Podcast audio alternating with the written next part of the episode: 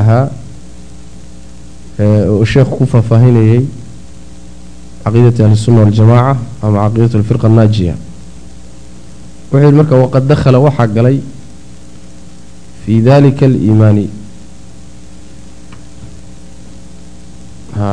Waqad dakhala waxaa galay buu yihi fii dalika aliimaani iimaanka aan soo tilmaanay oo ilaahay rumayntiisa ah.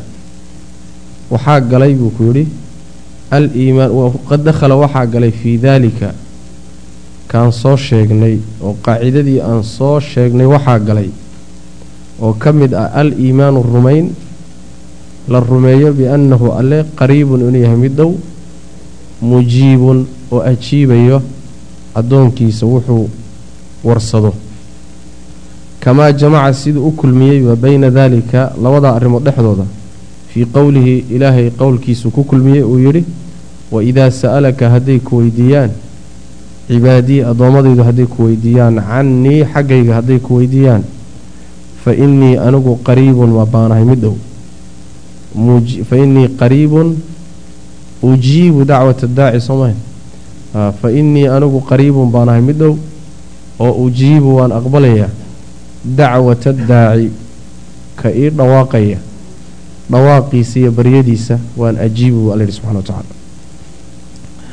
Aayaddu marka waxay kulmisay waxay sheegtay sifo ah ilaahay subxaana wa tacaala inuu addoommadiisa u dhow yahay oo uu wixii ay weydiistaan uu ka aqbalayo hadday nebiga sal ly slam marka rabbi waa dhow yahay addoommadiisa waa u dhow yahay waa dhowaanshahaasi ka aqbalidda uu ducada ka aqbalo baryada ka aqbalo uu maqlo baryadooda xaalkooda uu arko. Taasaa macnaha waxa weeye qurbiga iyo dhowaanshaha rabbi subxana wa tacala saasaa laga wada ama sida madhabka salafka qaarkood uu yahay in sideeda laysaga daayo qariib maca culuwiisu sheekhu inoo soo wada macna. Isagoo sarreeyuu haddana dhow yahay. Wa qowluhu nabiga odhahdii sal lla lay slam buu ku jamciyey ina aladii midka tadcuunahu aada baryaysaan allaha aada baryaysaani aqrabu mid dhoweeye ilaa axadikum midkiin buu u dhow yahay min cunuqi raaxilatihi neefka rarooydiisa hasha u raran neefka u raran ee geela ah luquntiisuu uga dhow yahay buu nabigu sal ly slm yacnii hashuu saaran yahay luqunteeda alla uga dhow.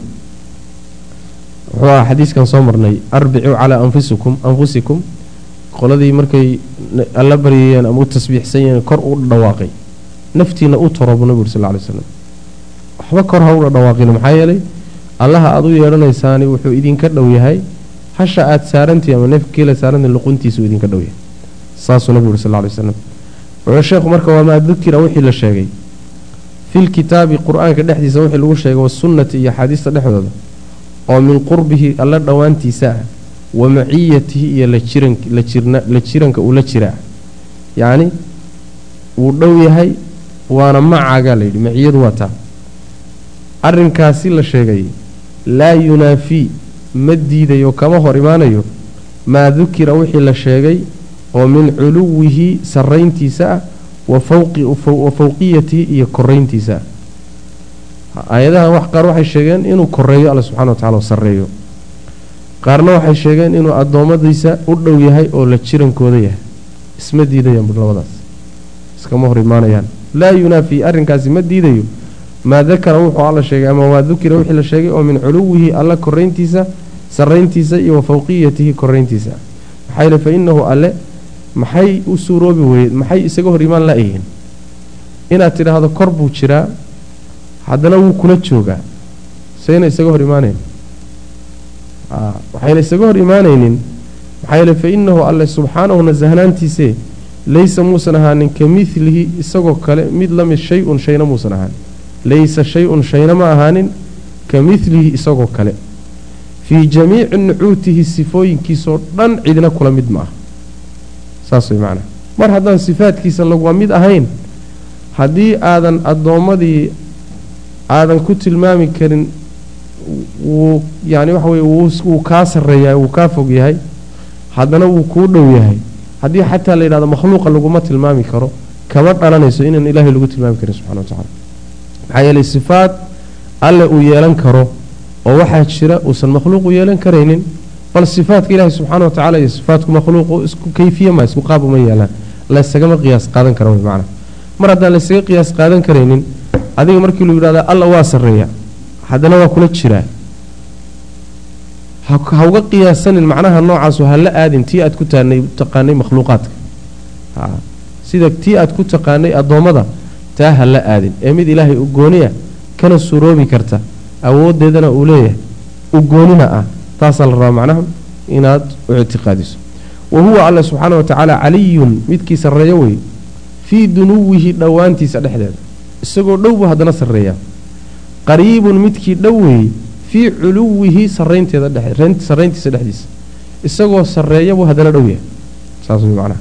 Waad waxaa tihi macnaha wuu sarreeyaa haddana wuu dhow yahay. Wuu dhow yahay haddana wuu sarreeyaa waa isku mid macnaha dhowaanshaha uu dhow yahay macnaha ma diidayso inuu sarreeyo. Sarraynta uu sarreeyana ma diidayso inuu dhow yahay. Marka wax iska hor imaanayo ma aha. Ayb wa min aliimaani rumaynta waxaa ka mida billaahi ilaahay la rumeeyo wa kutubihi iyo kutubtiisoo la rumeeyo waxaa ka mid a aliimaanu rumayn la rumeeyo biana alqur'aana qur'aankii qur'aanku kalaamullaahi hadalkii ilaahay inuu yahay. Munazalun oo la soo dejiyey hayru makhluuqin munazalun yahay mid la soo dejiyey hayru makhluuqin oon la abuurin. Mid la abuura hayrkii ah. Yacni inaad rumayso. Macnaha iimaanka waajibka waxaa ka mid a oo ilaahay iyo kutubtiisoo la rumeeyo waxaa qeyb ka ah in aad rumayso qur'aanku inuu yahay hadalkii ilaahay oo alle xaggiisa ka soo degay oo aan makhluuq ahayn.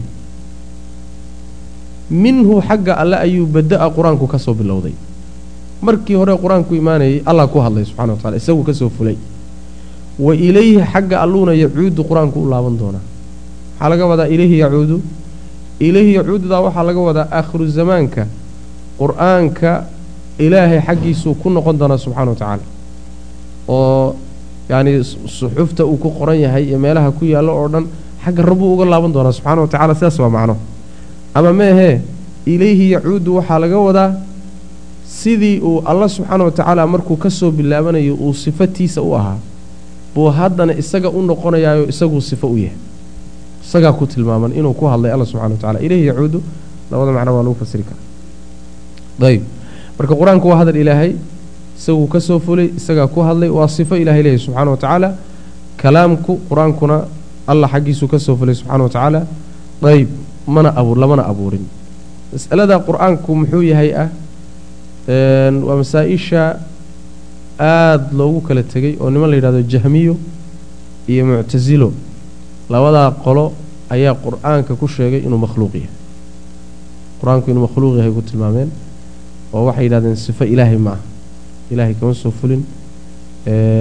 Marka waxay sheegay qur'aanku inuu makhluuq yahay.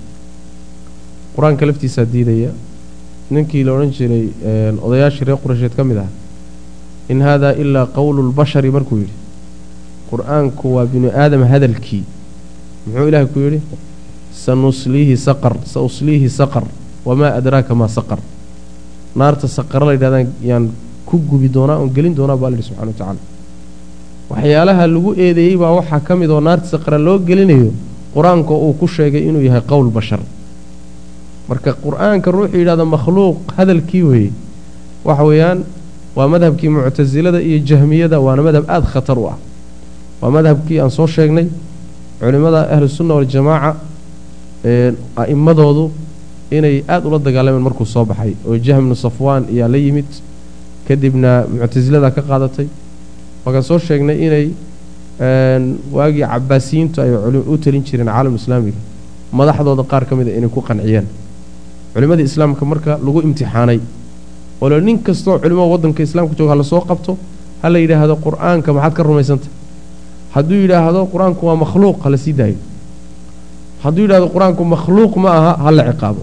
Mid la xidho mid qoorta loo casayo la dilo.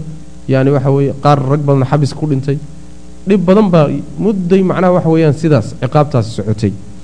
Marka mas'ale waxay runtii ay culimmadu dhib badan kala soo kulmeen culimmada sunnada khaasatan alimaam axmed axmed ibnu xambal caleyh raxmatullah meeshuu aada ugu sumuuday wey macnaha u adkaystay waa la ciqaabay waa la xidhay waa la cadaaday waa la dilay waa la jir dilay.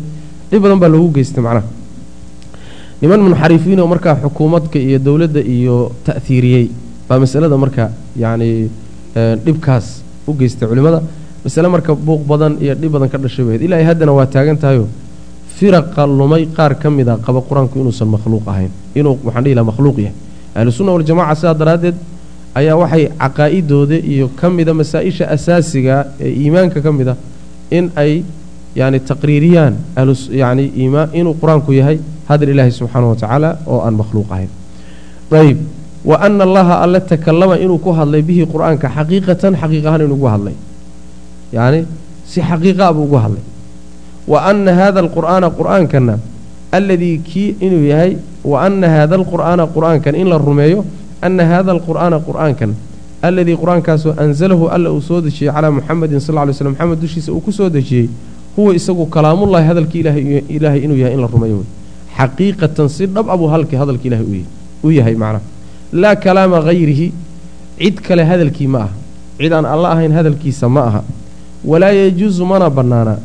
Itlaaqulqowli hadal in la sii daayo oo lagu sii daayo hadal. Odhaah in layska yidhaahdo oo la dhaho biannahu qur'aanku xikaayatun wey in la yidhaahdo. Saa in la idlaaq ma bannaano xikaayatun waa xikaayo can kalaamillahi hadalki ilahi laga xikaayoonayo xikaayada waxaa la yidhaahdaa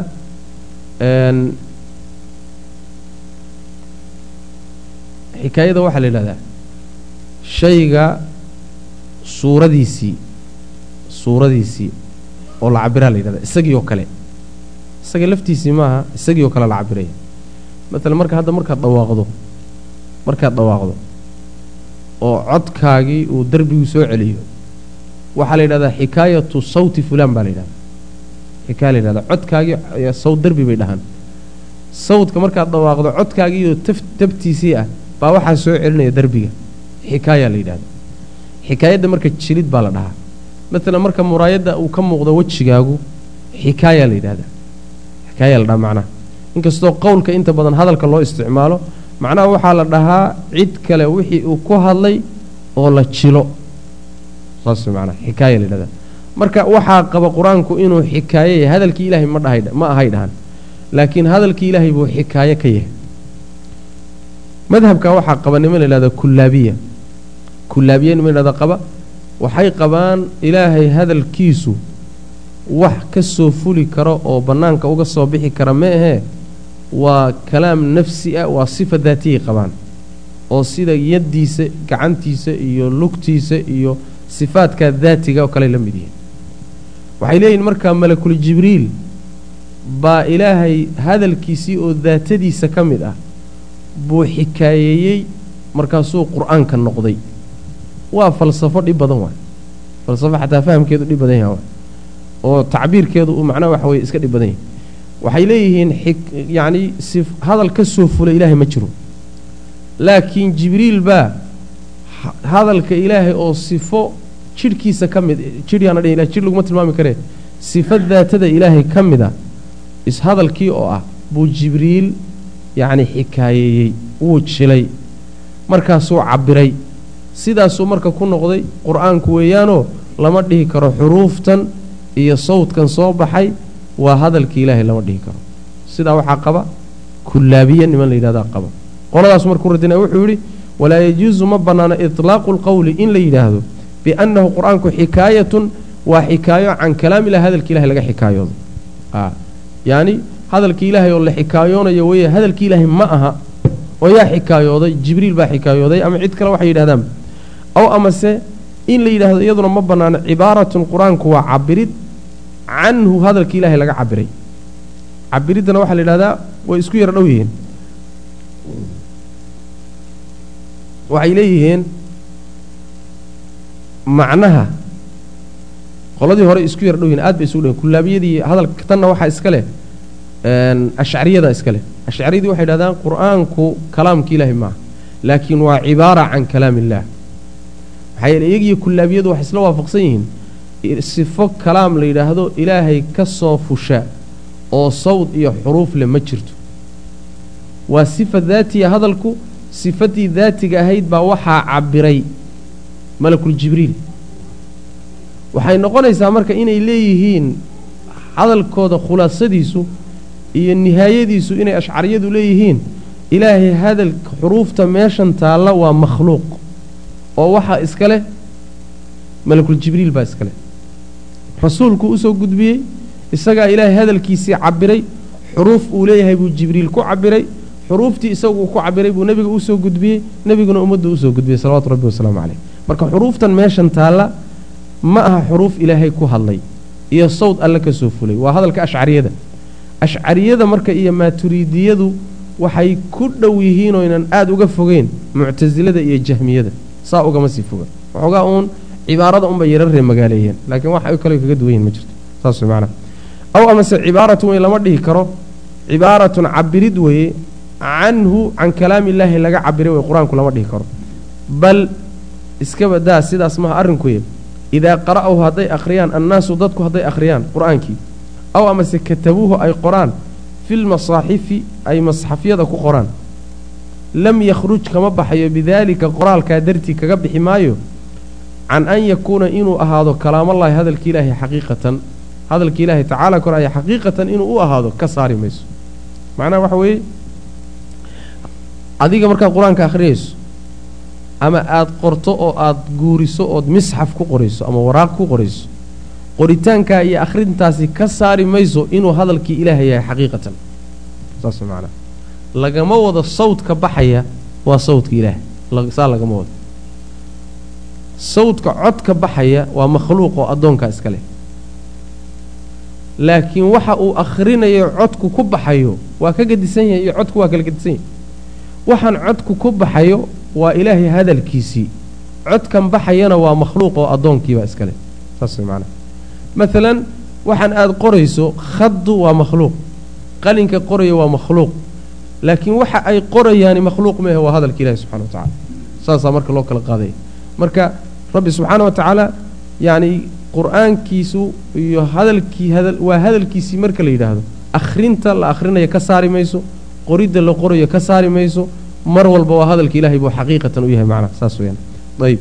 Maxaa yeele fa ina alkalaama hadalku innamaa yudaafu waa loo tiiriyaa xaqiiqatan dhab ahaan ilaa man cid baa loo tiiriyaa qaalahu yidhi ciddii ku hadashay mubtadi'an xaalo uu yahay mid bilaabaya markii ugu horraysay ruuxii hadalkan bilaabay ee ku hadlay baa sidiisaba hadalka loo aaneeya oo loo tiiriyaa. Laa ilaa man cid looma aaneeyo qaalahu yidhi oo looma tiiriyo. Laa ilaa man cid looma tiiriyo oo looma aaneeyo qaalahu yidhi. Hadalkaa isaga a muballiqan xaaluu yahay mid gaadhsiinaya mu'adiyan oo gudanaya. Macnaha waxa weeye hadalka sidiisaba ciddii markii hore uu ka soo fulay baa loo tiiriyaa adigu maalan markaad sheegayso nin maalan gabayaa ah gabaygiisa markaad sheegayso hadalkaas waxaad leedahay waxaa tiriyey hebel hebel. Soo maa shicirka waxaa iska le hebel hebel. Markaad maalan mahmaah sheegayso waxaad leedahay mahmaahdaa waxaa tiri waxaa sheegay ama uu ka soo fulay hebel hebel. Adiga marka sheegayaay ma lihid adigu waad gudanaysaa waad gudbinaysaa cid kale aad u gudbinaysaa u sheegaysaa. Adigu marka hadalkaa ma lihid. Waxaad uun ku leedahay xuruuf waxaad leedahay uun sawdka baxaya bas. Laakiin yaa iska leh xuruufta meesha taalla iyo macnaha meesha yaalla yaa leh ninkii hadalkan bilaabay baa iska leh eed ka soo guurinayso macnaha. Marka hadalka ciddii iska lahaydee uu markii hore ka soo fulay baa loo tiiriyaa. Taa macnaheedu waxa weeye hadalku alle markuu ka soo fulay subxaana wa tacaala jibriil baa soo qaaday soo ma? Lama dhihi karo qur'aanka jibriil baa le marka laanna isagu dowrkiisa iyo kaalintiisu waxay ahayd inuu nebi maxamed gaadhsiiyo muballiq buu ahaa soo ma? Rasuulkana looma tiirin karo oo rasuulku ka soo fulay lama dhihi karo maxaa yeelay rasuulku wuu gudanayay xil la saaray unbuu gudanayay. Cid xil la saaray gudanaysay ama hadal loo soo dhiibay cid gaadhsiinaysayna hadalkii loo soo dhiibay ee uu gudanayay isaga looma tiirin karee cidduu ka soo fulay baa loo tiiriya macnaa saas weyaan fa ina alkalaama hadalka inamaa yudaafu waa uun la tiiriyaa oo waa la aanayaa xaqiiqatan dhab ahaan ilaa man qaalahu ciddii tidhi ayaa loo aanayaa mubtadi'an xaalowya mid bilaabaya kii bilaabay wey laa ilaa man qaalahu ciddii tidhi looma aanaya hadalka muballiqan isagoo gaadhsiinaya ku hadashay oo sheegay mu'adiyan oo gudanaya. Wa huwa isaguna hadalkaasina qur'aanku dhe ama hadalkuba wa huwa qur'aanku dhe kalaamullahi hadalkii ilaahay wey xuruufuhu xarafyaashiisa iyo wa macaanihi macnuhuba.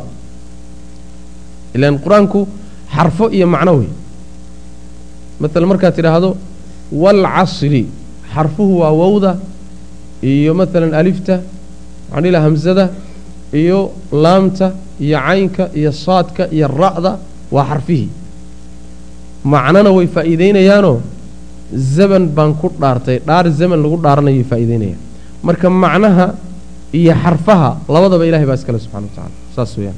Ayb kalaam huwa kalaamullahi hadalki ilahay wey xuruufuhu xarfayaalkiisa iyo wa macaanihi macnayaashiisaba laysa muusan ahaanin qur'aanku kalaamallaahi muusan ahaanin hadalki ilaahay laysa maynan ahaanin dheh alxuruufu xarfuhu kalaamallaahi maynan aha hadalki ilaahay. Duuna almacaani macnayaasha samaya xarfaha keliyu ma aha hadalki ilaahay oo macnaha laga reebo walalmacaanii macnayaasha keliyuna ma aha hadalki ilaahay.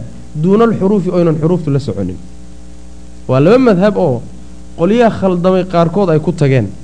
Maalan muctasilada iyo jahmiyadu waxay yidhaahdeen hadalka ilaahay ma aha xuruufta. Macaanida maya. Macaanidu waxay dhaheen ilaahay baa leh. Laakiin xuruuftu waxay yidhahdeen waa makhluuq. Xuruuftu waa makhluuq. Oo yaa abuuray jibriil buu ka soo fulay ama cid kaleu ka soo fulay? Marka maxay kala qaadeen? Waxay kala qaadeen macnihii iyo xarafkii. Xarafka waxay dhaheen ma laha. Macno unbaa loo sheegay jibriil baa marka cabbiray oo macnihii xaraf u sameeyey. Saas macnaha waa adigoo hadda intaad macno iga macno fahanto macnihii aad fahantay adigu cabbiro oo xaraf aad adigu leedahay u sameeyo kaleeto macnaha qolii saasay ku tageen. Qoladaa horuu taa ku radinaya wuxuu yidhi laysa kalaama allaahi alxuruufu xuruuftu ma ahaanin hadalkii ilaahay duuna almacaani macnayaasha yacni macnayaasha sameya macnayaasha inta laga reebo xuruufta keliya in la yidhaahdo maxaan dhihi lahaa xuruufta keliya ahaa hadalkii ilaahay ah macaanidu maya. Waa qolada dambe. Macaanida keliya taa xuruufta ilaahay yaa ilaahay ka soo degtay xuruuftuse maya waa kullaabiyada iyo ashcariyada.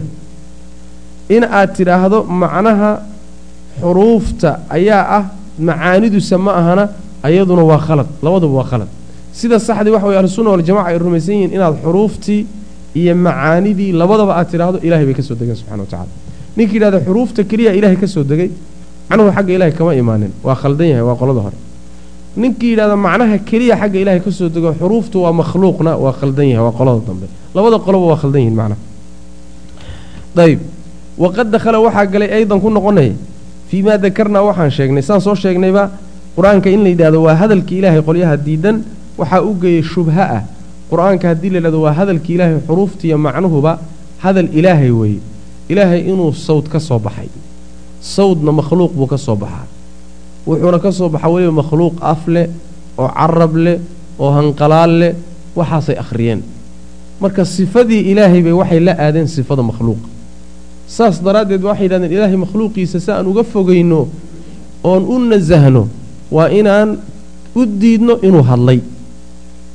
Hadal xuruuf iyo macno la maqli kara leh ilaahay inuu ka soo fulay waa inaan u diidno. Marka waataan horey u sheegnay shubhadu waxay kaga dhalatay. Marka horeba waxay see qiyaas qaateen. Alle subxaana wa tacaala iyo addoommadiisa ay see qiyaas qaateen. Halkaasay marka hore shubhadu kaga dhalatay macnaha kulli firaqda lumay oo dhanna ee asmaa sifaat ku lumay meeshay shubhadoodu ka bilaabatay waa halka. Ilaahay iyo makhluuqiisa oo laysaga qiyaas qaato macnaha waqad dakhala waxaa galay aydan ku noqonaya fii maa dakarnaahu waxaan sheegnay dhexdiisa waxaa galay. Wixii aan soo sheegnay waxaa aydan waxaa galay oo min aliimaani rumaynta ah bihi alla rumeeyo wa bikutubihi wa bimalaa'ikatihi wa birusulihi intaa rumayntooda waxaa galay oo ka mid a aliimaanu rumayn. La rumeeyo bianna almu'miniina mu'miniintu yarawnahu inay alla arki doonaan yowma alqiyaamati maalinta qiyaamada ciyaanan. Si yacni ciyaanan biabsaarihim indhahooda inay ku arki doonaan. Ciyaanan mucaayanatan ciyaananta waxaa laga wadaa waxaa la yidhahdaa ciyaanan alru'yatu bilcayn baa la yidhahdaa. Isha araggeeda leanna ru'yada aragtida haddaad tidhaahdo ra'aytu ra'aada kelimada la yidhahda baa waxay u qaybsantaa basariyo iyo cilmiyo ra'aytu waan ogaaday waa sax ra'aytu waan arkayna waa sax ogaanshuhu waa aragga qalbiga soo maa ogaanshuhu waa aragga qalbiga marka si uu kugu caddeeyo inay aragtida ilaahay la arkayo ay midda isha tahay ee ina qalbigan ka ogaaday base ahayn buu wuxuu ku yidhi yarawnahu yowma alqiyaamati ciyaanan biabsaarihim. Indhahooday ku arki doonaan. Saas macnaa ciyaanan ay mucaayanatan biabsaarihim. Aragti isha ah bay arki doonaan way macnaa ayib. Kamaa yarawna say u arkayaan oo kale ashamsa qoraxda saxwan xaalo ay tahay mid aan daruuri ka sokaynin oo laysa ayna ahaanin bihaa iyada saxaabun wax daruuriya ayna ka sokaynin. Saxwanta waxaa la yidhahdaa hawadu markay ay qaawan tahay oy daruura ka qaawan tahay baa saxwan la yidhahda saasaad le aljawu saxwun alyowm baad le macnaa hawadu maanta waa daruur la'aan. Marka yacni qoraxdii oo aan daruuri ka sokaynin tan dambaa fasirayso laysa bihaa saxaabun. Waxay sii fasiraysaa saxwanta qorax aan daruuri ka sokaynin say u arkayaan bay u arki doonaan maalinta qiyaamada rabbigood subxana wa tacaala. Wa kamaa yarawna say u arkaan oo kaleeto alqamara dayaxa in qoraxda sida loo arko ilaahay maalinta maalinta qiyaamada ay rabbigood u arki doonaan. Xadiiska bukhaariyo muslim ay wariyeen baa tilmaamay min xadiidi abi saciidin alkhudri tarawnahu kamaa tarawna ashamsa saxwan laysa duunahaa saxaab rabbigiin baad arki doontaa maalinta qiyaamada sida aad u aragtaan qorax aan daruuri ka sokaynin. Sidaad u arkaysaan oo kale ad u arkaysaan. Yacni waa arag aan qarsoonayn oon waxba kaa xigin wey macnaa ayb wa kamaa yarawnahu say u arkaan oo kale alqamara dayaxa leylata albadri habeenkuu dhammaystiran yahay jooga. Albadru huwa aliktimaal. Dhammaystirnaanta habeenkeeda dayax jooga. Siday u arkanuu arkayaan oo kaleeto. Laa yudaamuuna isku cidhiidhiyi maayaan fii ru'yatihi ilaahay aragtidiisa. Yacni ii bannee adigii waad aragtay bal anugu aan arkay booska ii bannee wax laylaa ma jirto. Wax laysku cidhiidhiyaya maaha aragtida ilahi subxana wa tacala nin walba meeshiisaasuu ka arkaya way macnaa yarawnahu way arkayaan subxaana wa tacala subxaanahu nasahnaantiisee alla ayay arkayaan walxaal hum iyagu fii curusaati alqiyaamati ama carasaati alqiyaama qiyaamo bankeeda iyagoo jooga. Alcarasaat aw alcurusaat waa jamcu carsa. Carsada waxaa la yidhahdaa almakaanu alwaasic alfasiix meesha bannaan een wax ka dhisan jirin een geedku ku oolin baa waxaa la yidhaahdaa carasaad ama curusaad jamcu carsa waay. Macnaheedu waxa weeye meesha dadka laysugu keenayo maalinta qiyaamada waa meelaan taag lahayn dhir ku oolin buur lahayn. Bannaan ah waay. Carasaat lqiyama taasaa la yidhaha macnaha meeshaa markay joogaan rabbigood bay arki doonaan subxana wa tacaala. Xaadiista nabiga kuso arortay sal alay waslam mu'miniintu markay halkaa joogaan inay rabbigood arki doonaan subxaana wa tacaala laakiin meeshaas waxaa wada arkaya alla subxaana wa tacaala dadkii iimaanka sheegan jira o dhan ilan dadku waa saddex qaybood soo maaha waa gaal gaalnimadiisu caddahay munaafiq gaalka iyo muslimka u dhexeeya iyo mu'min iimaankiisu cadyahay ruux mu'min oo iimaankiisa muujistay oo qalbigiisa na ilaahay u hoggaansan xubnihiisa daahirkana ilaahay u hoggaansan waa mu'min. Kaafirkuna qalbigana ilaahay buu ka diiday xubnihiisa daahirkiiyo dhaqankiisana wuu ku diiday waxaa u dhexeeya munaafiqoo qalbigana gaalku ka waafaqsan yahay. Xubnaha muuqda iyo wuxuu qabanayana mu'minku uga egyahay mu'miniintu uga egyahay oo salaaddii bay tukanayaan soonkii bay soomayaan xajkii bay tegayaan acmaashii daahirkee guud bay la imaanayaan. Marka munaafiqu xagga hoose gaal buu ka yahay xagga sarena islaamku uga egyahay waa gaal ficlan laakiin korkuu muslimiinta uga egaya waxyaalaha uu la imaanayo macnaha iyo acmaashuu samaynayo maadaama adduunka markay joogeen ay muslimiinta ku dhex jireen oo acmaasha daahirkaa la imaan jireen qiyaamada marka la taagan yahay aragtida ilaahay ay arkayaan dadka mu'miniintii dadkii iimaanka sheegan jiray oo dhan ama dhab ha ka ahaado ama been ha ka ahaado sida munaafiqiintee way wada arkayaan markaa waa qiyaamada aragtida ah. Munaafiqiintii iyo muminiintii waa u wada idin. Gaalku isagu marna arki maayo. Gaalku marna isagu arki maayo. Saas way macnaha fii curusaati alqiyaamati bay ku arki doonaan uma kadibna yarawnahu allah ay arki doonaan bacda dukhuuli ljannati jannada markay galaan kadib kamaa yashaau allahu siduu ilaahay u doono tacaala koraay bay u arkayaan. Aragtida labaad waxay dhacaysaa markay jannada galaan. Markay jannada galaan bay arkayaanoo waa barwaaqo. Markaa lama socdaan munaafiqiintii soo maa ilan jahanamaa lagaga reebaya marka jahanamo la gudbayaba munaafiqiin iyagu gudbi maayaan. Halkaasay ku hadhayaan macnaha marka jannada aragtida ilaahay lagu arkay marka jannada lagu jiro waa mu'miniintii iimaanka daacadda ka ah ee dhabta uu ka aha iimaanku kuwa unbaa macnaha jannada dhexdeeda ku arkay. Maxaa yeelay iyaga unbaa jannada gelaya macnaha. Ayb marka aragtida ilaahi subxana wa tacaala waa middaa waan soo marnay aayaadkii ku tusayey macnaha. Aayaadkii tanna waa axaadiistiina waan soo marnay laakiin ka qaacide ahaan wey see ilaahay loo arkayaa sida loo arkayo kayfiyada waa qaab aan laynoo sheegin. Saas man lakiin inaan arkayno baa laynoo sheegin waxaase nebigu inoo iftiimiyey inaan laysku cidhiidhaynin aragtidiisa qoraxda oon daruuri ka sokaynin dayax oon daruuri ka sokaynin sidaad u arkaysaan saasoo kale ad u arkaysaan bu nabig sal lay slam dayb waa kayfiyadii oo qaab laga yara muujiyey dhinac laga muujiyey. Faslun wa min aliimaani rumaynta waxaa ka mida bilaahi ilaahay la rumeeyo. Wa min aliimaani rumaynta waxaa ka mida bilyowmi alaakhiri maalinta dambe la rumeeyo.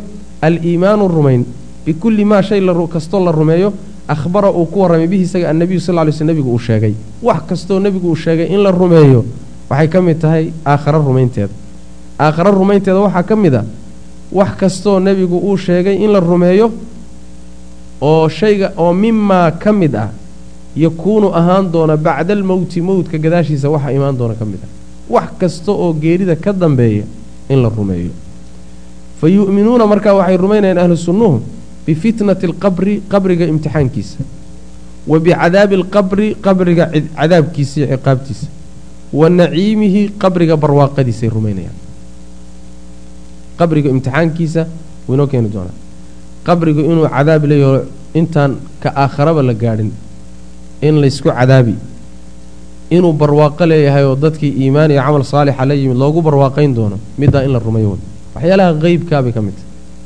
waxyaalaha qaybiyaadkaa ee laynoo sheegay. Innaguna aan waxba ka ogeyn bay ka mid tahay. Ayb fa ama alfitnatu imtixaanka qabriga ka dhacayaay fa ina annaasa dadka yumtaxanuuna waa la imtixaani doonaa.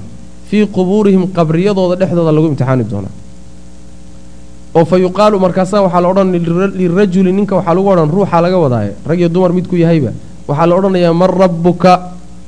Rabbigaa yaa wey yuu ahaa rabbigaa markaad adduunka joogto macnaha wamaa diinuka diintaadu maxay ahayd wamaa nebiyuka nebigaagu yuu ahaa yaad raacsanayd wey macnaha man rabbuka yaad caabudi jirta wey markaa adduunka joogto maa diinuka diintaad raacsanayd eed ku cibaadaysan jirta maxay ahayd maa nebiyuka kaad raacsanayd ee ilaahay kaaga soo warramay ee dabag joogtay ee warka kuu keenay yuu ahaa waa saddexdaas fa yuhabbitu allaahu alla wuu sugi aladiina kuwa aamanuu rumeeyey adduunka kuwa iimaanka kula yimid imtixaankaa marka la marinayo qabriga wuu sugi.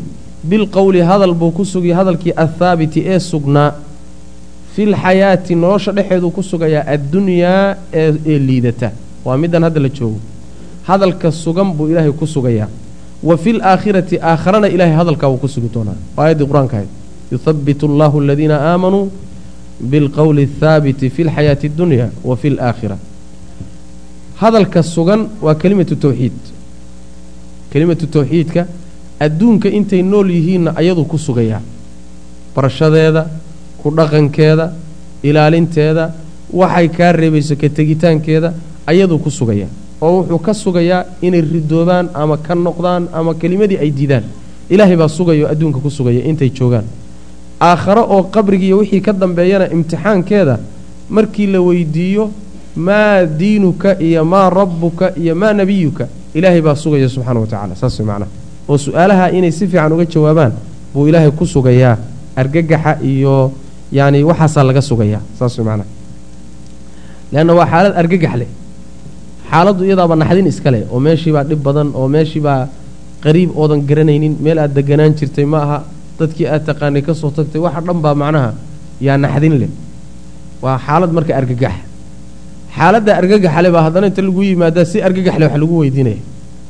Marka ayadoo sideedaba imtixaanku dhibkiisa iska leeyahy oo haddii ruuxa lagu imtixaano magacaa magacaa haddii imtixaan lagaaga dhigo inaadan garanin baa laga yaaba magacaa xataa wax kale iskaba dhaaf imtixaanku marka dhibkiisuu leeyahy isagoo dhibkiisa le baa haddana xaaladda imtixaankaasi iyo meeshuu ku dhacaya meel iyaduna macnaha naxdinteeda la-ah ruuxaasa noocaasa ruuxii ilaahay subxaana wa tacaala yaqaanay adduunka markuu joogay nixi maayo argagixi maayo cabsan maayo si deggan buu u jawaabayaa. Man rabbuka rabbi allah maa diinuka diiniy alislaam. Maa nebiyuka nebiyi muxamedun sal alla alay wasalam seed ku ogaatay kitaabkan ka akhriyey. Haakada saasaa macnaa si degan buu u jawaabaya mana maxaa yeele ilahay baa qalbigiisa sugaya subxana wa tacala saas weyaan fa yaquulu wuxuu odhanayaa marka almu'minu mu'minku wuxuu odhanayaa rabbii rabbigay allaahu alla weye waalislaamu islaamkuna diinii diintaydii wey wa muxamedun muxamedna sal lay slm nebiyii waa nebigaygi ayb saasuu odhanaya waa jawaab fudud hadda haddii lagu weydiye way iska fududtahay laakiin ha dhowto waxay ku xidhan tahay kolba dhaqankaagii iyo caqiidadaadu waxay ahayd bay ku xidhan tahay haddaad haddaad hadda sii xifdido dadka qaar baa waxay yidhahdaan haddayba su'aaluhu intaa yihiin haddaaban sii qabanaya dushaan sii qaban. Hadhowna waan shubi. Baan daldali. Markii la weydiiyaba waxaa ku jaban. Waxaa ku jaban haddii sidii la rabay lagaa waayo ha dhowto xifdigaaga hadda aad sii xifdida waxba kuu tari maayo. Waa lagu seejin saas maanaa lagugu sugi maayo. Waa lagu halmaansiin kama jawaabi kartid. Ayb wa ama almurtaabu ruuxa shakisan.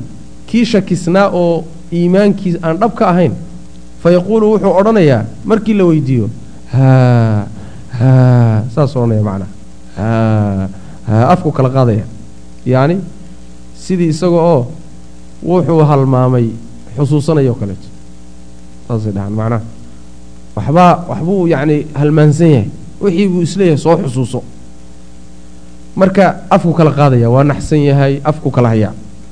Wuxuu leeyahay laa adri ma garanayo su'aalahaasoo dhan marka la weydiyo waxba kama garan leeyahay. Samictu nnaasa dadkaan maqlay oo yaquuluuna odhanaya shay-an wax odhanaya faqultu markaasaan iska idhi dadkan baan iska raacay. Waa kay soomaalidu yidhahdaan dameer dhaan raacday. Dameer dhaar aroorahaya iska raacday. Haye raaca ninka la yidhahdo way macnaa. Meel loo socdo iyo wax la doonayo iyo laa ilaaha ila allahu waxay tahay iyo waxay ka reebayso iyo waxay u diidayso iyo midna ma garanayo.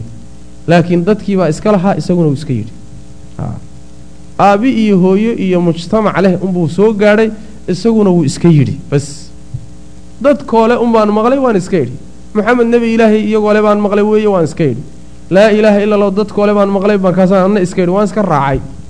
Haa diinta islaamka yaa xaqaa dadka ka maqlay anna waan iska idhi waan dadka umaan iska raacay laakiin wax xaqiiqaa iyo wax dhab iyo wax camala toona ma jirin saas macnaa ayb fa yudrabu markaasaa la garaacayaa markuu sidaasi afka kala qaado o yidhah waxba ma garanayo. Yudrabu waxaa lagu garaacayaa bimarzabba yacni garuun oo min xadiidin bir ah. Marazabba waxaa la yidhahdaa marazabada garuunka ama burhka burhna waa garuunna waa la dhaha baa lagu garaacayaa fa yasiixu markaasuu qayliyaa sayxatan qaylo oo yasmacuhaa uu maqlayo kullu shayin wax kastaa maqli ila alinsaanu dadka mooye. Waxa ka agdhow oo dhan baa maqlaya. Geedahaa maqlaya dhulkiibaa maqlaya jinnigiibaa maqlaya. Saas macnaha makhluuqa wixii ka agdhowna xayawaanaadkaa maqlaya wixii ka agdhow oo dhan wuu maqlaya. Laakiin ibni aadamku ma maqlayo ayb ila alinsaanu dadkii mooyaane. Walow samicahaa hadduu maqli lahaa alinsaanu dadka hadday maqli lahaayeen la suciqa waa la suuxin lahaa ama la saciqa waaba suuxi lahaaba. Waxa ku dhacaya ruuxaas iyo qaylada ka baxaysa haddii layna maqashiin lahaa waaban suuxi lahaynba. Saas macnaha. Macnaha waxaa laga wadaa laba sababood baa inaga laynoo maqashiin waayo. Ruuxa qabriga lagu ciqaabayo qayladiisa iyo dhawaaqiisa iyo habarwacashada ka baxaysa. Laba sababood baa laynoo maqashiin waaya midda koowaad horta waxaan u adkaysan karna ma aho oo ruuxu haddii la maqlaba bini aadamku maqlo waa suuxaya. Midda labaad nebigu wuxu uhi sal ly wasalam haddaan laga cabsanaynin inaad is-aasi weydaan ood isxabaali weydaan waa laydin maqashiin laha buu nebi uri sal lay waslam laakiin haddii laydin maqashiiyo dee ruuxu markuu dhintaba inaad aastaan iska badaayo waad ka cararaysaan. Haddii laydin maqashiin lahaa wey macnaha saas weyaan siday sameeyaan qolyo qabaaisha kenya dega midka qolo ka midoo la yidhahdo niman masai la yidhahdo masai qabaaisha kenya dega ka mide ruux markuu ka dhinto habeenkaa ama xilligaa uu dhintay baa la guuri. Meydkiina meesha isagoo yaallaa lagaga tegay balaayaa meesha soo gashay wey macnaha balaayada hebel la tagtay baa laga cararaya laga guurahaya marka haddii aad maqli lahaydeen dhibka ku haysta qabriga maydaan is-aastayna waad kala carar lahaydeen buu nabigu macnaha waxa weye taasayna u dhicin baa laydin maqashiinin. Laydinma maqashiinin. Labadaas sababood baa marka laydin maqashiin waayo marka inuu qaylyayo oo dhawaaqahayo oo meesha ku ciqaaban yahay waa jirtaa wey macnaha. Makhluuqa intooda kaleetana waa maqlayaan saas wey macnaha. Uma bacda hadihi lfitnati fitnadaa kadib imtixaankaa kadib ruuxa marka su'aalaha la weydiiyo kadib imaa naciimun nicmo inay tahay arrinku wa imaa cadaabun ama inuu cadaab yahay. Ilaa an taquuma alqiyaamatu alkubraa qiyaamada weynanka badan inta ay ka istaagayso. Waa kii nebigu xadiidkiisu sal ly waslam alqabru imaa rawdatun min riyaadi aljanna wa imaa xufratun min xufari innaar qabrigu ama waa beer beeraha jannada ka mid ah ama waa god godadka naareed ka mid ah. Labadaa mid waay macnaha yaani ruuxii fiicnaana wuxuu u noqonayaa beer beeraha jannada ka mid. Waa loo waasicinayaa qabrigii baa loo iftiiminayaa. Yacni waxa weeye jannadii baa dariishad looga furayaa. Gogol jannada laga soo qaaday baa loo dhigayaa. Dhar jannada laga keenay baa loo xidhayaa. Waa loo labisayaa. Camalkiisiiyo qurux badan baa la joogo weheshanayaa oo ruux qurux badan loo soo ekeysiiyey halkaasuu ku raaxaysanaya raaxo uusan xataa adduunka ku haysanin buu halkaa ku haysta ilaa qiyaamada weyn ay ka dhacdo oo markaa kadib uu barwaaqo taa ka sii fiican u gudbo oo jannadii iyo ilahay naxariistiisa subxana wa tacala saas wey macnaha. Cadaabka markay tahayna iyaduna waa intaa in ka gedisan intaas in ka soo horjeeda waay.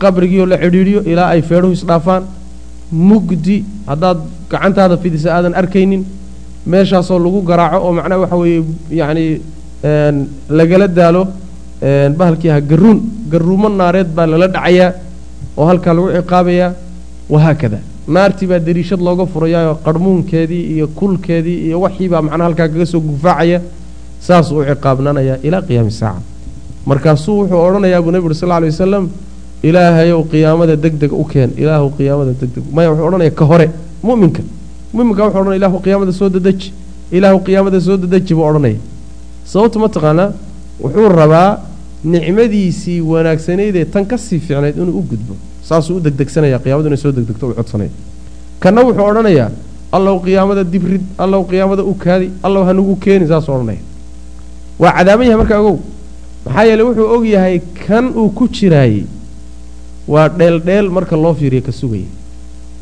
Marka kaa danbuu ka sii cabsanaya way macnaha oo qiyaamada allow dibrid uu leeyahay macnaha ayb uma bacda lfitna hadihi lfitnati imtixaankaa kadib imaa naciimun inuu yahay qabrigu wa imaa cadaabun inuu yahay.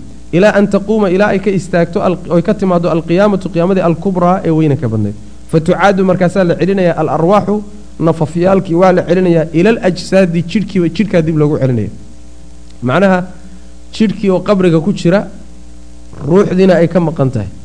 Baa marka ruuxdii la soo celinaya. Wuxuu leeyahay sheekhu ruuxdan lagu soo celinayo markii qiyaamadu ay timaado jidhka dib loogu soo celinayo iyo midda markuu qabriga ku jiro la gelinayo way kala gedisan tahay buu leeyahay. Waxaa odhanaya sheekh ibnu cuthaymiin. Maxaa yeele ruuxdaas uu ku noolaanayo oo ku soo noqonayo waa middaasi way dambaysaayo xilliga qiyaamadu ay kacdo kadib unbay imaanaysa. Sida xadiiska nebigu sheegay sal alay wasalam yacani roob baa da'aya roob baa da'aya.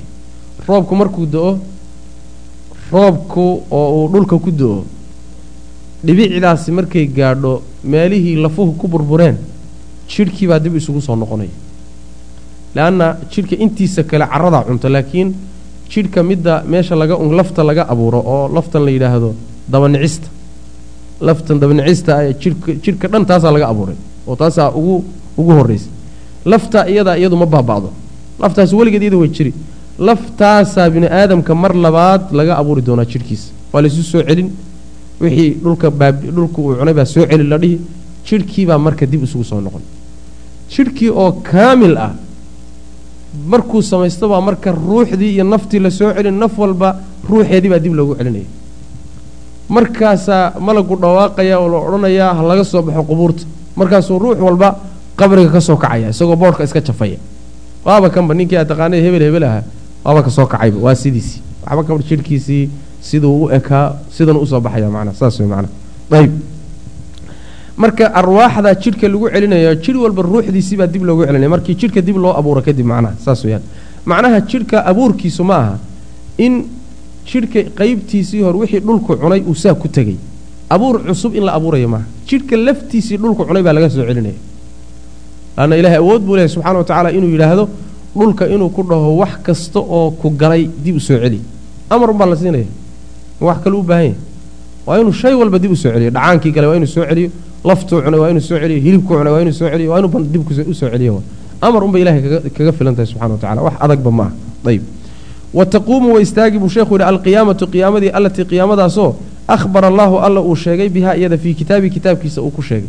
Wa calaa lisaani rasuuli rasuulkiisa carabkiisana uu ku sheegay. Oo axaadiista nebiga sal ly slm ku sugnaatay wey oo wa ajmaca ay isku waafaqeen calayhaa dusheeda almuslimuuna muslimiintu ay isku waafaqeen qiyaamadii baa marka imaan qur'aanka iyo sunnada iyo ummadda yacni ijmaaceedu intuba uu tusay uuna tusay. Fa yaquumu nnaasu dadku markaasay istaagayaan min qubuurihim qabriyadooday ka soo kacayaan.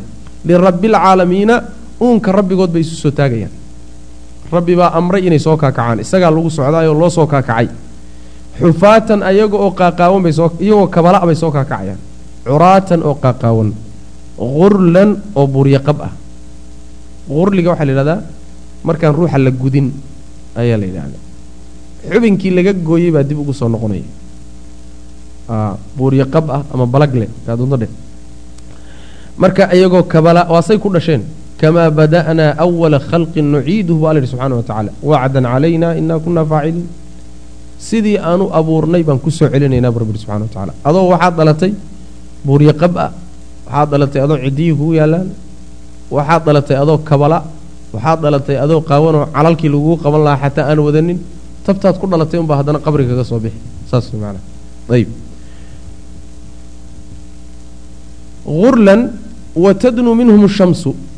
Caaisha radi allahu canha waxay tihi nebi allow haddii la qaaqaawan yahay oo meesha rag iyo dumarkiiba wada qaawan yihiin soo lays daawan maayo dadkan hadda la kala kari lahayo iyagoo dhar qaba berrita markii laysu qaawiyo soo laysku foofi maayo oo lays daawan maayo. Nebigu wuxu uhi sal ly slm caaisha arrinku si moodaysa meehee nin wax daawada waa nin ladan ruux wax daawada haddaad aragto waa nin ladan laakiin maalinkaa likulli imri'in minhum yowmaidin sha'nun yuqniih nin walba in ku filan baa haysata maalinkaa isaga. Ninkan shalladan baa wax daa daawada. Laakiin taadii hadday kula ciirsan tahay maxaabaad fiirfiirinba taadii baaba halis jirta naftaadii baa khatar ku jirta xaggeed ku dambayn doontaa xaggooda ashamsu qoraxdii baa ku soo dhowaan. Qoraxdaa la soo dhaweynaya waxay yidhahdaan culimmadu qoraxdu hadda waxay jirtaa intaas oo yacni waxa weeye mayl bay jirtaa. Aad bay uga fog tahay addoommada. Waxay yidhaahdaan haddii qadar yar in yar intay inoo jirto haddii wax yar laga soo durkiyo. In yar haddii laga soo durkiyo waxay yidhaahdaan wax alla waxa kownka jooga oo dhan wuu dhalaali. Wax joogi kara ma jiro. Qoraxda intaa iyadoo inoo jirto haddii wax yar laga soo durkiyo lagu dhalaalayo baa la soo dhowaynayaa tadnuu minhum ashamsu markaase waxay u soo jirsanaysaa miil qadarkii. Miilkaas laba macnoba waa la yidhaahdaa waa bahalkan indhakuusha haweenku markay indhakuulanayaan ay qoriga yarkaa ay geliyaan ay isha marmariyaan. Qoriga yarkaa miil waa la yidhahdaa intaa in la-eg bay addoommada u soo jirsanaysaa qoraxda miilka waxaa kaloo iyadana la yidhahdaa maylkan caadiga ah ee masaafada ah. Labadooda kolba kii la yidhaahdaba haddii maylkan masaafada la yidhahda hataa qoraxdii intaa haddii laguu soo jirsiiyo maxaad u malaynaysaa? Maanta intaa kuu jirta ee haddana kuleylkeeda lala joogi laaya yacni in la dhalaalo unbay noqon uma dulqaadan karo kuwa hadda maanta adduunka jooga sidan hadda adduunkan u joogniy abuurkan hadda aan abuurannahay looma adkaysan karo. Laakiin sida axaadiistu sheegtay maalinta qiyaamada abuurka addoommada la abuurayaay weynanka iyo adkaysiga iyo xagga jidhka iyo waa ka xoog badan yihiin maanta abuurka. Ah saas macnaa. Marka ayadoo qoraxdu intan u jirto bay haddana noolaanayaan. Dhimasha ileen ma jirte laakiin dhibbaa dhib baa yaalla wey macnaa meesha. Wa tadnu minhum shamsu qoraxdaa u soo dhowaanaysa wayuljimuhum waxaa xakamaynaya alcaraqu yacni dhididkuna wuu xakamaynaya waxaa laga wadaa dhididkii qoraxdu markay qabatay ka baxay baa dhulka gelaya toddobaatan dhudhun siduu nebigu shegay sal ly waslam markaasuu dhididkii kor u soo noqonayaa ruux walba wuxuu u qabanayaa intuu dembigiisu ahaa qaar buu dhudhunka u qabanaya qaar buu aanqowga u qabanaya qaar buu meesha laga guntado soo gaadhayaa qaar buu u qabanayaa macnaha laabta iyo shafka u soo gaadhayaa qaar buu macnaha waxa weeyaan dhagaha u soo gaadhayaa qaar buu xakamaynayaa oo afka wuu u soo gaadhayaa wayuljimuhum alcaraqu taasuu ka wada qaar buuba liqayaaba oo dhididkoodii oo aada u kulul bay dhex galgalanayaan. Oo madax iyo minjaba ay ku dhex jiraan macnaha. Marka wayuljimuhum alcaraqu dhididkiibaa xakamaynaya oo afka u soo gaadhaya. Fa tunsabu markaasaa la oogayaa waxaa la istaajinayaa almawaasiinu miisaanyaalkii. Fa tuusanu markaasaa la miisaami bihaa iyada miisaanyaalka waxaa lagu miisaamayaa acmaalulcibaadi addoommada camalyaalkoodii maalinta qiyaamada nin walba camalkiisibaa miisaanka loo saari. Wuxuu samaystay saddex arrimoodba miisaanka la saari. Camalkaagii miisaankaa la saari. Diiwaankii camalka uu ku jirayna miisaan baa la saari. Adiga laftaadana miisaankaa lagu saari. In adiga laftaada miisaanka aada fuuli doonto waxaa ku tusaya xadiidka cabdullaahi bni mascuud ee uu soo saaray imaamu axmed bisanadin saxiix cabdullaahi bni mascuud nin saxaabada nebiga ka mid aha sal ly waslam aad buu u dhuubnaa nin laf yar buu ahaa oo dhuuban oo caata ah. Maalin bay marka dabayl dabayl baa ku timid. Dabayshii baa marka yaro tikhaantikhisay oo uu si maaragtay iska yara celin kari waay saxaabadaa ku qoslay marka.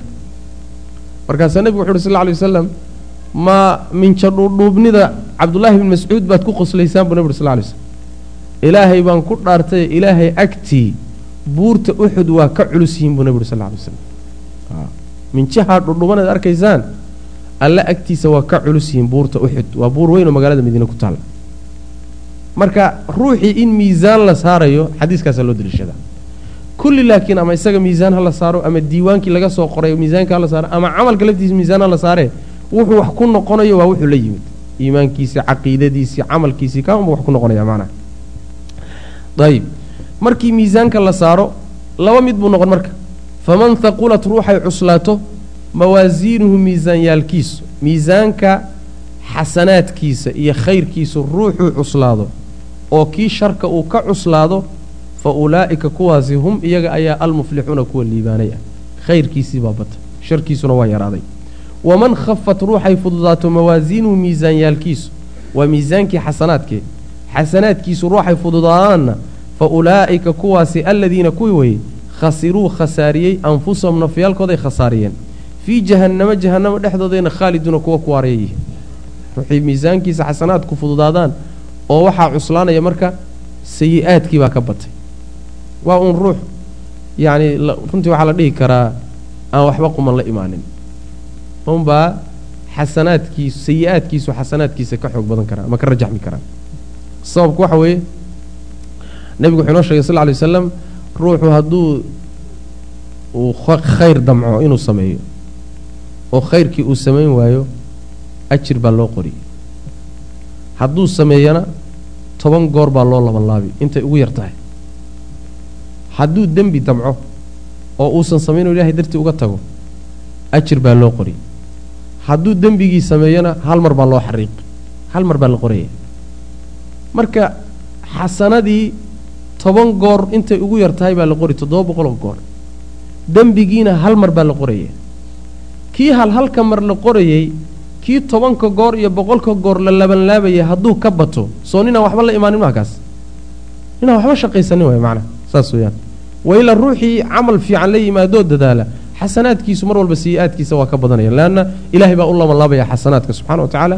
Sayi-aadkana hal mar unbuu qoraya alla subxana wa tacala dalika min fadlihi tabaaraka wa tacala ayib wa tunsharu waa la fidin buu sheekhu yidhi addawaawiinu diiwaanadii baa la fidinaya wa hiya diiwaanaduna saxaa'ifu alacmaali camalyaalku waraaqahay ku qoraayeen wey diiwaankii baa la soo fidin oo ruux walba diiwaankiisii baa la hordhigi oo fidsan waana waraaqihii camalkaaga lagu qoro malaa'igtu kaa qortay fa aakhidun yarxamka allah fa aakhidun weeye addoommadii marka fa minhum waxaa ka mid a addoommadii aakhidun mid qaadanaya kitaabahu diiwaankiisa wuxuu ku qaadanayaa biyamiinihi gacantiisa midig.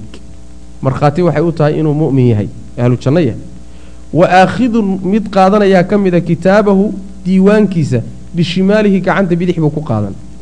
Aw amase min waraa'i dahrihi dhabarka gadaashiisuu ka qaadanaya. Lagama wado saddex kooxood mehe waa laba kooxood. Kooxda dambe oo asxaabu shimaalkaoo bidixda ka qaadanaya gacanta bidix diiwaankooda lagu siinayo diiwaanka gacanta bidix oo xagga hore a laga siin maayo gacanta bidix baa loogu dhiibayaa laakiin haddana dhabarkaa looga dhiibayaa. Saas way macnaha gadaal gadaal gacanta bidix iyadoo abaa haddana gadaal looga dhiibaya ilaan way kale tahay in gacantii waa bidix laakiin horay in lagaaga keeno iyo in gadaal laaga keenay kale tahay soo maha waa ihaanaysi la ihaanayna wey macnaha gacantii oo gadaal la mariyey oo weliba gacantii bidixa baa diiwaankooda laga siinaya camalka iyo waraaqihii sayi-aadkooda ku qoraayeen markhaatina waxay u tahay inuu ahlu naar yahay markaaba waraaqaha laysu qaybiyo nin walba meesha looga dhiibay ayay macnaha waxa weeyaan yaa tusaysa meeshuu ku dambayn doono macnaha dhanka looga dhiibay. Kamaa qaala siduu rabbi subxaana wa tacala subxaana wa tacaala siduu yidhi wa kulli insaanin ruux walba alzamnaahu waxaanu laasiminay. Daa'irahu camalkiisii ayaan fii cunuqihi luquntiisa laasiminay. Ruux kasta camalkuu sameeyey baa luqunta uga laalaada oo luqunta ugu dhegan wa nukhriju waanu saaraynaa bu rabbi yihi subxana wa tacaala lahu isaga yowma alqiyaamati maalinta qiyaamada waxaan u soo saaraynaa kitaaban diiwaan oo yalqaahu uu la kulmi doono oo uu la kulmayo manshuuran isagoo fidsan. Diiwaan isagoo fidsan uu la kulmi doono baa maalinta qiyaamada loo soo saaraya. Markaasaa waxaa lagu odhanayaa iqra' akhri baa la odhanaya kitaabaka diiwaankaaga akhri. Kafaa binafsika naftaada wuu ku filan yahay. Alyowma maanta kafaa binafsika dhe naftaadaa kugu filan. Alyowma maanta calayka dushaada xasiiban xisaabiye. Adaa maanta isugu filan adigii diiwaankaagu xisaabtama. Adigaa xisaabiye isugu filan adaa naftaadaa kugu filan way macnaha markaasaad waxaa ku yaallaa waagii aada qaangaadhay qalinku ku dul fuulay ilaa intaad ka geerinayso waxaad samaynaysa ilbiriqsi walba. Akhri uun adigu rog. Soo adigu isxisaabin maysidun meeshii oo shirki iyo bidco iyo khuraafo iyo dembiye ay ka buuxaan oo markaad aragto wax cadba uusan ku jirin oo qurux badanba soo adigu marka isma xukumaysa. A jaa adaa isxukumi inaad naar leedahay markaas. Ha kafaa binafsika alyawma calayka xasiiban wey. Adiga unbaa isxisaabin wey macnaha saas weyaan ayib. Wayuxaasabu waa la xisaabi buu sheekhu yidhi alkhalaa'iqu addoommada khalaa'iqdii baa la xisaabayaa wayakluu wuu la gooni noqon. Khalaa'iqdoo dhan baa la xisaabayaa. Dadka la xisaabayo waa dadka jannada gelaya. Xisaabta waxaa laga wadaa. Waxaa xumaantiisiina waxbaa laga weydiin khayrkiisiiyo wanaaggiisiina waa la tusiyo isagana waa laga xisa wax kastaa loo xisaabinaya. Waa la xisaabin. Laakiin waa ruuxii xasanaad iyo sayi-aad lahaa. Ama gaaladu iyaga xisaabta la xisaabaya waa ka gedisanta xisaabta la xisaabayo iyaga ma aha maadaama aynan xasanaadba lahayn in yacni waxa weeyaan khayr la tusayo ma aha. Ee xisaabta iyaga la xisaabaya waxa weye dembiyadoodii oo la yidhahdo kan soomaada gelin haa waan galay kan waad gashay kan waad gashay kan waad markuu wada qiro. Yaa loodhanaya marka naarta u kaxeeya walciyaadu billah wayuxaasibu allahu ilahi wuu xisaabayaa alkhalaa'iqa addoommadu xisaabaya khalaa'iqda addoommadu abuurtay buu xisaabayaa. Wayakluu wuxuu la gooni noqonayaa alle bicabdihi addoonkiisa almu'mini ee mu'minkaa buu la gooni noqonayaa fa yuqariruhu markaasuu qirsiinayaa bidunuubii dembiyadiisu qirsiinaya labay kale tahay addoonka ilaahay uu jecelaya mu'minkaa sida loola xisaabtamayo iyo gaalka sida loola xisaabtamayo labay kale tahay addoonka marka lala xisaabtamayo ilaahay uu jecelaya mu'minka ah si meel gooniya oo aan addoommada intoodii kale aynan ogeyn buu ilaahay kula gooni noqonaya isaga unbaa ilahay ka warhaya subxana wa tacaala markaasuu wuxuu qirsiinayaa wuxuu dembi galay dunuubtiisii. Dembigan ma gashay maalin hebla saacad hebla meel hebla ma ku gashay. Allow haa kanna ma gashay. Rabbiyow haa kanna ma gashay. Allow haa wixii o dhan baa laga qirsiinaya laakiin cidina ma aragto. Markuu dembiyadiisa wada qirto oo uu is yidhaahdo aleelaha maanta waa kuu dhammaatay. Ayuu alla wuxuu ku odhanaya subxana wa tacaala satartuhaa calayka fi ddunyaa wa ana akfiruhaa laka alyowm adduunkana anaa ceebtaada qariyey oo kuma fadeexaynin maantana waan kuu dhaafay kac jannada geeyaa la odhanaya alla subxana wa tacaala marka sida loola xisaabtamayna waa si qarsoonoon fadeexo ahayn oo dembigiisiiyo ceebtiisii cid kale lama ogeysiinin rabbigii unbaa qirsiiyey midda labaadna looma ciqaabinaya alla wuu u cafiyey subxana wa tacaala waan kuu cafiyey buuhi kac adduunkan anaa kaa qariyo kaa asturayoo kugu fadeexaynin. Dayib taasi waa qaabka rabbi ula dhaqmayo subxaana wa tacaala ruuxa mu'minka ah. Kamaa wasafa siduu alla u tilmaamayba daalika arrinkaa fi lkitaabi qur'aanka iyo wasunnati axaadiistaba. Wa ama alkufaaru gaalada miyaa falaa yuxaasabuuna la xisaabi maayo. Muxaasabata man ruux xisaabtii oo kale. Tuusanu la miisaamayo xasanaatuhu wanaagyaalkiisa wa sayi-aatihi iyo xumaanyaalkiisa. Ruux xumaantiisa iyo wanaaggiisii laysu miisaamayo xisaabtii oo kale iyaga la xisaabin maayo. Gaalada iyaga saa loo xisaabin maayo. Maxaa yeelay fa innahu gaalka laa xasanaata wax wanaagyaala lahum iyaga uma sugnaanin iyagu wax wanaagaba ma lahaba. Walaakiin sees loo xisaabina marka iyaga. Laakiin tucaddu waxaa la tirini acmaalahum camalyaalkoodii xumaa fa tuxsaa markaasaa la koobi. Fa yuuqafuuna markaasaa la istaajini calayhaa acmaashii xumayd baa lagu dul istaajin. Wa yuqariruuna markaasay qirayaan bihaa iyaday qirayaan. Dadka hortooday ka qiranayaan.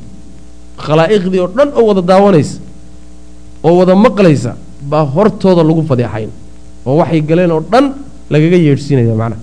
Ayb fa yuuqafuuna calayha waa lagu dul istaajin yacni sayi-aadkii wayuqariruuna wayuqararuuna ama wayuqariruuna markaasay qirayaan bihaa iyada way sugayaan way ogolaanayaan wayujzawna markaasaa lagu abaalmarinayaa bihaa sayi-aadkiina abaalgudkeedii baa la siinaya. Marka horta marka goowaad markii lala xisaabtamayay waa la fadeexeeyey. Oo amaama alkhalaa'iq baa lagula xisaabtamay lagu ceebeeyey. Waa marka labaadee looma dhaafin sida mu'minka ilaahay uma dhaafo gaalleh waa lagu abaalmariyey oo cadaab iyo ciqaab buu ilahay geeya subxana wa tacaala marka waa kala gedisan yihiin labada qaab ee loola xisaabtamayo dadka. Laakiin nin walba waa lala xisaabtami doonaa saas way macnaa caaisha radi allahu canha ayaa waxay tidhi xadiis saxiixa ah sal lla lay slam maalin maalmaha ka mid a wuxuu yidhi man nuuqisha alxisaab cudib ninkii xisaabta wuxuu nebigu uri sal lay slm haa man xuusiba cudib buu nebi uri sal lla lay slam ninkii lala xisaabtamo waa la cadaabay markaasaa caaisha waxay tihi nebi allow ilaahay qur'aanka wuxuu ku leeyahay fasawfa nuxaasibu xisaaban yasiiran. Waxaan xisaabi doonaa xisaab fudud. Nebiguna muxuu yidhi ninkii lala xisaabtamaba waa la cadaabay oo xisaabtu waa cadaab. Aayadduna waxay leedahay xisaab fudud baa jirta. Aayaddaasi marka caaisha keento waxay tidhi xisaab fudud baan xisaabaynaabuuba ilaahay leeyahay.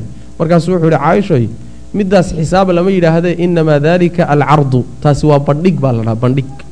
Oo waa tii hadda aan soo sheegno mu'minka ilaahay ku samaynayo dembiyadiisii inta la qirsiiyo markaa kadibna laga cafiyo. Marka la qirsiinayana la asturo cardi baa la dhahaa. Fa sawfa yuxaasibu xisaaban yasiiran middaasi waa cardi. Dembiyadaadiioo lagu soo bandhigo uun bas. Laakiin wuxuu nebigu sal ly slam man nuuqisha alxisaabu cudib ninkii xisaabtiisa lala findhicilo. Yani nuuqishka waa naqshiga waxaa la yidhahdaa yani waxaa la yidhahdaa nuuqishada waxaa loo isticmaalaa. Marka aad iska bixinayso qodaxda qodax markaad iska bixinayso ku gashay. Waxaa la qaataa qodax kale ama irbad markaasaa in yar in yar loo soo durkiyaa soo ma? Hilibka dusha ka saaran baa laga qaada markaasaa in loo soo durkiyaa waa waa waa la tartiibiyaa waa la suulsuuliyaa saasaa loo soo saara soo ma? Man nuuqisha cudib waxa weeye ninkii in yar in yar loola lafaguro wuxuu galay. Waa la cadaabay.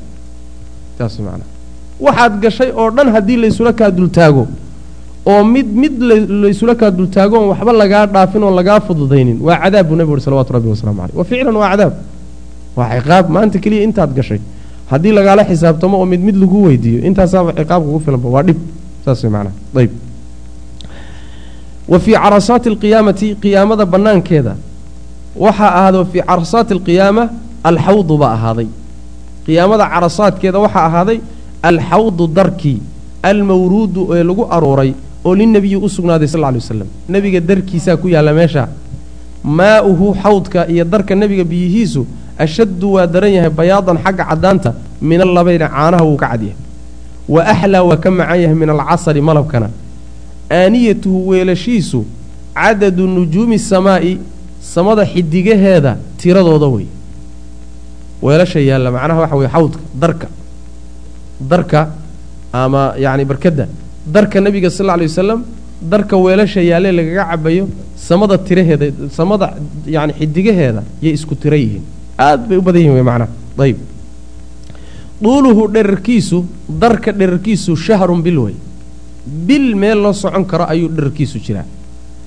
Wa carduhu ballarhkiisuna shahrun isaguna waa bil socod meel bil la socon karo wuu ballarhkiisuna isu jiraa ballaciisu ayb man yashrab ciddii ka cabta minhu xaggiisa sharbatan cabbitaan hal mar a ruuxii ka cabba laa yadma'u ma oomayo bacdaha gadaasheeda abaddan weligii. Hal mar ruuxii ka cabba weligii oon qaban maayo oonkuu sal jaraa. Ayb wasiraadu kaasi waxa weeye? Waa xawdka nebiga sal lla alay wasalam xawdka rasuulku wuxuu sheegay sal lla alay wasalam waxaa laga celin doonaa rag ummadda ka mid ah. Markaasuu nebigu wuxuu odhan doonaa asxaabii asxaabii alla saxaabadaydii alla raggaygii nebiyow. Markaasaa waxaa la odhan doonaa waxa kaa dembeeyey oo markaad adigu geeriyootay kadib waxay la yimaadeen ma ogid. Markaasaa lala tegi buu nebigu uhi salawatu rabbi waslamu caleyh. Darkaa laga celinaya marka darka nebiga sal alay slam waxaa ku arooraya dadka sunnadiisa raaca diintiisa qaata jidka yacni waxa weye ku toosa hagaaga dadkaasaa darka ka cabaya nebiga sal alay slam ayib kaasi marka iyaduna waa masaa-isha muhimka oo min caqaa'id ahlisunna waljamaca ka mid tahay wasiraatu siraadkii jidkii dhuubnaayey. Mansuubun mid la taagay weeye calaa matni jahannama naarta jahannama dhabarkeeda ama dusheedaa laga taagay. Mansuubun mid la taagay mid la dhigay wey macnaha calaa matni jahannama jahannama yacni dusheeda ayaa jidkii siraadka ahaana la saaroo la dhigay. Wa huwa siraadkaasina aljisru waa buundada. Alladii buundadaasoo bayna aljannati waannaari naarta iyo jannada u dhexeeya.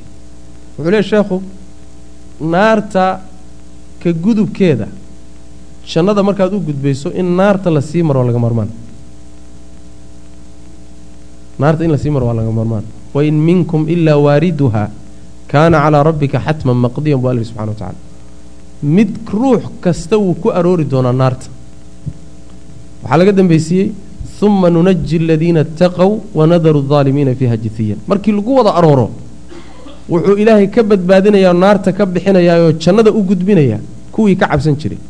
Kuwii gaalada ahaana waa lagaga dhex tegi iyaga. Meeshaa lagaga tegaya marka waad ku arooreysaan taa waxaa laga wadaa jidka siraad baad mari doontaan oo naarta jahannama dusheeda ah jannaduna xagga ka sii tahay. Marka waa buundada u dhaxaysa naartiiyo jannada buu ina yidhi yuu jidkaasi ku yaallaa. Ayib jidkaasi marka siduu nabigu noo shegay sal ly waslam seefta waa ka af badan yahay. Seefta waa ka af badan yahay. Aadna wuu waa yacni waxa weeyaan waa meel lagu simbiraxdo oo waa sibsib. Cagtu ma qabanayso. Cagtu ma qabanayso. Waana dhuuban yahay. Seeftana waa ka af badan yahay cagtuna ma qabanayso cagtu waa ka simbiraxnaysa waxaa loogu talagalay cidda aan rabbi u qorshaynin subxana wa tacala inuusan kaba gudbinba. Wax si fudud looga gudbi kara ma ah wayamuru nnaasu dadku way marayaan calaa qadri acmaalihim camalyaalkoodii adduunyada qiyaastay ahaayeen iyo qadarkay ahayd bay ku marayaan jidka isaga. Fa minhum waxaa ka mid a nin walba camalkiisii waa gaadiid u maalinka isaga. Nin walba camalkiisii buu maalinkaa fuulayaa oo meesha ku gudbaya wa minhum fa minhum waxaa ka mid a dadka man yamuru dad marayaa ka mid a ka lamxi lbasari isha biligteedoo kale ku maraya. Isha lamxiga waxa la ishu hal mar markii yacani aad intaad kala hayso aad isku qabato ama adoo isku haya aad hal mar bilig ka siiso. Taasaa la macana lamxu lbasar yani isha biligteedaas qaar baa ku maraya. Ilbidhiqsi ilbidhiqsi bay qaar ku gudbayaan. Jidka aad arkaysaan. Wa minhum waxaa ka mid a dadka man yamuru qolo mari doonta kalbarqi hilaac oo kaleeto hilaaca biligtiisoo kaleetona qaar baa ku mari. Intaa in la qiyaas intaa leeg bay ku gudbayaan. Wa minhum waxaa ka mid a dadka man yamuru qolo mari doonta o gudbi doonta kariixi sida dabayshaoo kale ku gudbi doonta. Dabaysha orodka badan sideedoo kale qaar ku gudbi doono yacni wuf oo kale saasoo u gudbi doono macnaha ayib wa minhum waxaa ka mid a man yamuru koo mari doono kalfarasi sida faraskoo kale aljawaadi orodka badan. Faras aad iyo aad macnaha waxa weeye yacni u fiican oo orod badan faras nugaaleedka faraska inagu dhihi jirnay. Fardaha meeshaas macnaha waxa weeyaan ay yaani la qoodhiyo meeshaas soomaalida ku sheegi jireen. Marka fardaha aadka aadka u dheereeya orodkiisoo kaleetay qaarna ku marayaan. Wa minhum waxaa ka mid a man yamuru qolo mari doonta kuwo marayaa ka mid a ka rikaabi libili geela gaadiidka ee la rarto oo kaleeto. Geela raran ee la saaran yahay sidiisoo kaleeto orodkiisa qaar baa ku mari doona. Wa minhum waxaa ka mid a waa isa soo dhintaye man yacduu qolo ordi doonto cadwan orod ninbaa qaar baa ku mari doona sidii ruux ordahayoo kaleeto. Ilan geelu markuu ordaya waa ka dheereeya ruuxa ordaya geelana fardaha ka dheereeya soo ma? Haakada sidii loo kala dheeraynaya wey macana wa minhum waxaa ka mida man yamshi kuwa soconaya mashyan socosho. Kaas hore waaba ordahaye kani aayar buu soco waa la xaadsanayaa ama wuu socdaa? Ma ordayo. Wa minhum waxaa ka mida man yazxafu mid gurguuranaya zaxfan gurguurasho qaar baaba gurguurasho ku marayaba. Ayb qaarna salkayba ku siqayaanba. Qaar waxa weeyaan yacni birihii naarta dhinacyaheeda ka laalaaday biro af godan baa naarta dhinacyaheeda ka laalaaday. Birihii baa intay ku dhagaan oy yacni waxa weeye ay hilib iyo wax ka goostaan oy dhiig ka sii daayaan baa isagoo dhiig ka daadanhayuu fakanoo carari. Qaar noocaasa xataa jira. Saas wey maana isagoo rafaadsan yaa allahu buu ku fakanaya mid noocaas o kale macana qaar noocaasaa jira. Ilaahay subxana wa tacala naga badbaadiyey. Wa minhum waxaa ka mida man yukhdafu mid la dafi khadfan dafid wa yulqaa markaasaa lagu tuuray fii jahannama jahannamaa lagu tuuraya. Walciyaadu billah. Qaarna markaba waxaa dafaya mar allo markuu meesha mar is yidhaahdo yaa birahaasi dafayaan. Markaasaa naartii jahannamo ka hoosaysaa hoos loogu tuuraya walciyaadu billah. Ayb faina aljisra maxaa yeele faina aljisra yani buundadaa la marayo calayhi dushiisa waxaa ah kalaaliibu biro godgodan oo takhdifu nnaasa dadka dafaysa biacmaalihim camalyaalkoodii sababkooda ku dafaysa. Biraha waxaa la yidhahdaa maalan kalaaliibta waxaa la yidhahdaa waa biraha afkoodu saa u soo godan yahay. Sida birahan hadda maalan hilibka kawaanada hilibka lagu qabtoo kale marka neefka la gogoynayo sidoodaa kale u afgodan yihiin macnaha kalaaliib baa la yidhahdaa. Ayib takhdifu nnaasa biacmaalihim.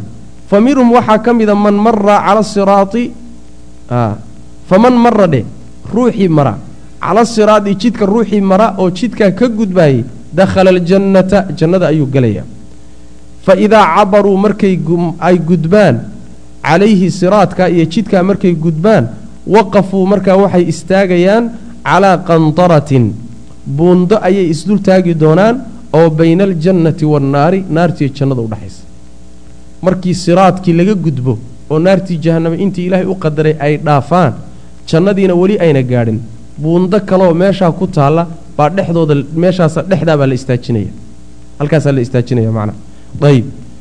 Marka waxaa wada socda oo halkaa ku idil mu'miniintii cadaabka ka badbaaday.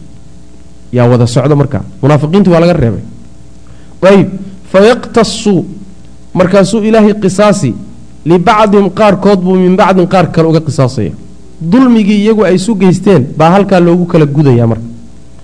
Ayib iyagaa halkaa loogu kala gudaya nin kastoo maalin wax laga sheegay waa in loo gudo. Kii la dharbaaxay waa in loo gudo. Kii la caayay waa in loo gudo. Kii xoolihiisii la qaatay waa in loo gudo. Wahaakada maxaa loogu gudayaa? Waxaa loogu gudayaa acmaashaadii saalixayd siduu nabigu inoo sheegay sal ly slam nin baa imaan doona maalinta qiyaamada. Markaasuu la imaan doonaa acmaal waaweyn oo buuraha la eg leeg. Sadaqa maxaa ah maxaa soon ah maxaa salaad ah maxaa khayra buu wataa. Markaasuu wuxuu imaanayaa isagoo kan caayay. Mid buu qadfay mid buu wax ka sheegay mid buu dharbaaxay mid buu dilay mid buu xoolihiisii qaatay. Kulli meeshay tuban yihiin. Maxaa la samaynaya marka? Waxaa la samaynayaa xasanaadkiisii baa loo qaybinaya xasanaadkiisi baa loo qaybinaya nin walba dembiguu ka galay intuu la ekaa baa laga siin xasanaadkiisa.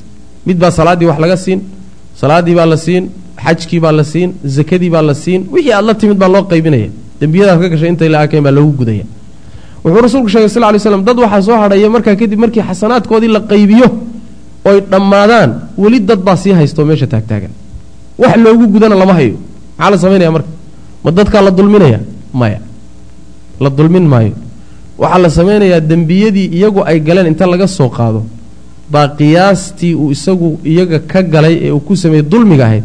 Qiyaastiibaa dusha laga saaraya oo dembiyadoodii ah macnaha markii dembiyadoodii dusha laga saarana waa loo cadaabi buu nebigu sal lay waslam saas macana marka soo khasaaro ma ah dadkan xoolahooda iyo dhiigooda iyo cirdigooda iyo naftooda iyo aan iska fududaysanayno waa calaa xisaabi xasanaatina wey macnaha waxay ka go-an tahay innaga inaga go-an tahay. Xasanaadkaagi iyo khayrkaad shaqaysanaysay ka go-an tahay. Salaadaadi iyo soonkaagi iyo sadaqadaada ay ka go-an tahay. Adugu marka ama yarayso ama badso. Ama yarayso ama badso. Maalinka umaad ku fadeexoobi macnaha saas weeyaan. Waa khasaari. Ninka wax laga sheegayana ee la durayo ama la dhacninayana isaga wax lama yeelin. Leanna isagu waxa weeyaan waxaa loo shaqaynayaa wax weyn baa loo shaqaynaya. Wax weyn baa loo shaqaynaya. Xasanulbasri baa waxaa laga sheegaa wuxuu yidhi nin baa loo soo sheegay. Waxaa la yidhi nin hebel baa ku xamanayay. Wuxuu yidhi waxaad u geysaan hadiyaddaa qaada oo u geeya. Waa ninkii xamanahayay wax looga soo sheegay. Markaasa waxaa la yidhi oo waxbuba kaa sheegaa la yidhi maxaad hadiyadda ugu dartay. Wuxuu yidhi maadaama uu xasanaadkiisii ii hadiyeeyey oo uu xoolo aakhara ii hadiyeeyey waxoogaa yaroo adduunyaan aniguna u hadiyeeyey buui saas way macnaa nin xasanaadkiisa kuu hadiyeeyey maxaa ka weyna uu ku siin lahaa? Adiga marka wax lagaa sheegayo lagu xamanayo xoolahaaga la dhacayo adiga waxa weeye dhibka kuma hayaan. Laakiin ninka samaynaya ayuu dhib ku haya macnaha oo dhibaata haysata. Ayib wuxuu yidhi faidaa hudibuu marka waa loo kala qisaasaya. Wax iyadoon ruux walba xaqiisii la marinna janno la geli maayo. Waa in loo kala qisaaso faidaa hudibuu markii macnaha waxa weeye la nadiifiyo hudibuu markii la hufo oo wanuquu la nadiifiyo. Tanqiya lagu sameeyo. Tahdiibka waxaa la yidhahdaa tirfactiridda la yidhahdaa. Usha marka kurtumada iyo yani baasha qodxaha ku yaaliya laga gooyo baa tahdiibka la yidhahda tanqiyadana waxaa la yidhaahdaa nadiifinta la dhaha.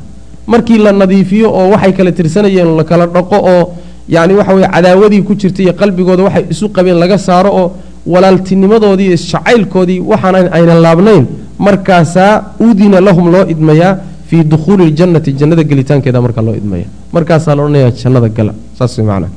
Markaasaa waa midda alla tilmaamaya subxana wa tacaala iyaga oo aan wax hilli ah iyo wax isnacayb ah iyo wax kala jeedsi ah ayna ka dhexaynin cadaawad ayna ka dhexaynin leanna waxay kala tirsanayeen baa horey loo soo dhameeyey. Saas macnaa. Qulubtoodu marka saafi bay isu tahay jannada marka ay gelayaan. Hada billahi towfiiq wsal allahuma wslm cla nabiyina mxamedi wcala alihi wsaxbihi wslm